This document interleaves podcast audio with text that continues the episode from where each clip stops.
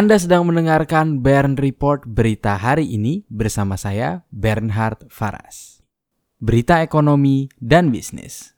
Berita pertama, Jokowi perlonggar izin ekspor impor untuk mengatasi kelangkaan bahan baku.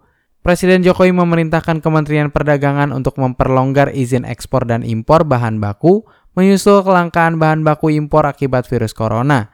Pemerintah mencatat penyebaran virus corona telah membuat produksi di Cina merosot. Padahal, Beberapa industri di Indonesia sangat bergantung dengan bahan baku dari Cina. Menurut Jokowi, jumlah impor bahan baku dari Cina sangat besar. Sebagai contoh, impor elektronik dari Wuhan mencapai angka 10 miliar dolar Amerika Serikat. Berita kedua, sinyal ekonomi Jepang jatuh ke dalam resesi makin kuat. Para pelaku bisnis menyebut penyebaran virus corona di Jepang menimbulkan kekhawatiran pasar. Wabah ini diperkirakan bisa menyebabkan resesi terhadap ekonomi negara Jepang. Sebuah survei yang dilakukan sejak 14 hingga 29 Februari melaporkan 63,4 persen perusahaan mengatakan pendapatan mereka dirugikan oleh wabah virus corona. Di antara perusahaan-perusahaan itu, 30,2 persen mengatakan pendapatan mereka jauh menurun.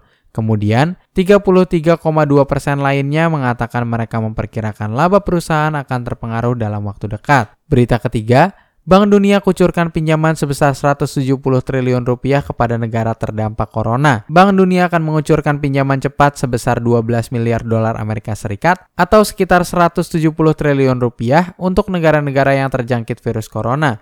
Melalui pinjaman cepat ini, Bank Dunia akan membantu negara-negara berkembang memperkuat sistem kesehatan, seperti meningkatkan akses terhadap layanan kesehatan untuk memberikan perlindungan dari epidemi, memperkuat pengawasan penyakit, dan mengurangi dampak virus corona terhadap ekonomi. Berita keempat, pengusaha tolak pembangunan rumah sakit khusus corona di Batam.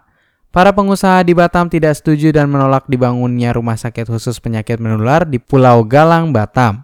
Ketua Asosiasi Pengusaha Indonesia Kota Batam, Rafki Rashid, mengatakan pendirian rumah sakit dapat menimbulkan keresahan pada dunia usaha Batam.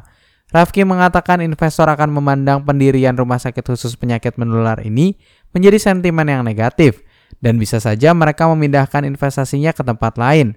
Seperti diketahui, pemerintah berencana membangun rumah sakit khusus penyakit menular di Batam merespons wabah virus corona di Indonesia.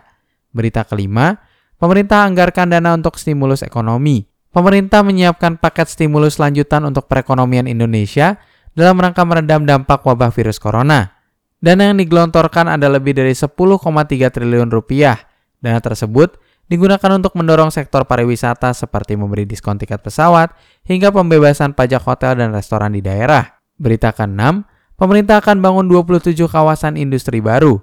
Menteri Perindustrian Agus Gumiwang menyiapkan 27 kawasan industri baru yang akan dibangun dalam kurun waktu 2020 hingga 2024. Dari kawasan itu, hanya ada dua di Pulau Jawa yakni di Brebes dan Madura.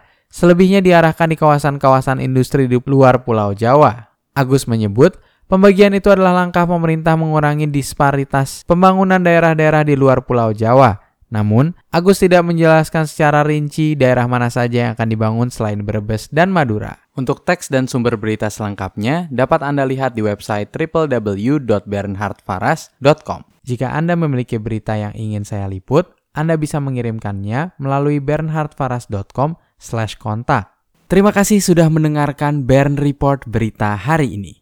Jangan lupa untuk membagikan kanal ini kepada kerabat Anda, tekan tombol like dan subscribe untuk mendapatkan kabar terkini setiap pagi dari hari Senin hingga hari Jumat pada pukul 6.30 waktu Indonesia Barat. Saya Bernhard Faras pamit undur diri, semangat selalu dalam menjalani hari ini.